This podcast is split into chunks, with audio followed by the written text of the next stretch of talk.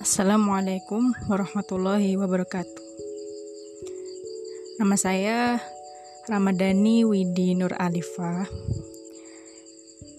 dari kelas 11 MIPA B. Ahwat tentunya ya.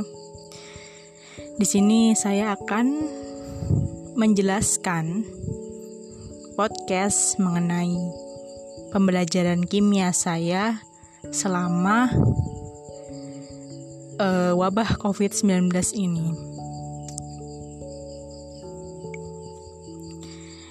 Yang pertama, saya akan menyampaikan kesan pesan selama belajar kimia dan cara mengat mengatasi versi saya. Ya, saya sih kalau misalnya ada tugas kimia ya langsung kayak shock gitu. Karena ya yang pertama saya nggak bisa, dan yang kedua saya bingung. Jadi mungkin saya bisa menghubungi teman-teman saya yang bisa, dan itu belum tentu juga mereka fast respon. Kadang saya harus nunggu sampai siang gitu. Dan kendalanya juga sinyal rumah saya.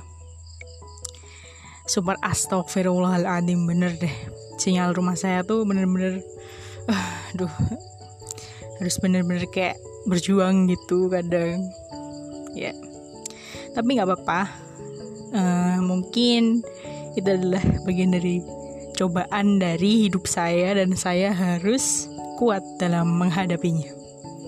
Nah saya berharap uh, pandemi ini segera berakhir dan kita semua bisa menjalani kelas nyata seperti biasanya karena ternyata ya sebaik-baik sekolah itu bukan sekolah online tapi sekolah yang benar-benar sekolah. Yang kedua saya akan menjelaskan tentang materi koloid. Hah, kenapa saya pilih koloid ya? Karena menurut saya materi koloid itu yang paling gampang. Pengertian koloid adalah campuran heterogen dari dua zat atau lebih di mana partikel zat berukuran antara 1 hingga 1000 nanometer terdir terdispersi atau tersebar merata dalam medium zat lain.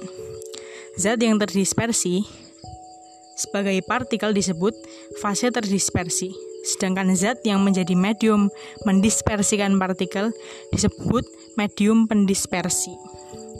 Sudah itu saja yang saya ketahui. Yang ketiga, saya akan menjelaskan manfaat dari materi yang saya pelajari.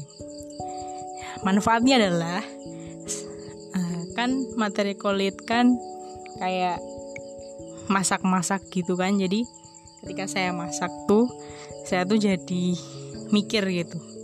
Ternyata masak tuh nggak sekedar masak, tapi masak tuh juga ada ilmunya. Bahkan di ilmu kimia juga seperti masak agar-agar. Itu saja dari saya. Mohon maaf bila ada salah. Terima kasih. Wassalamualaikum warahmatullahi wabarakatuh. Salam semangat.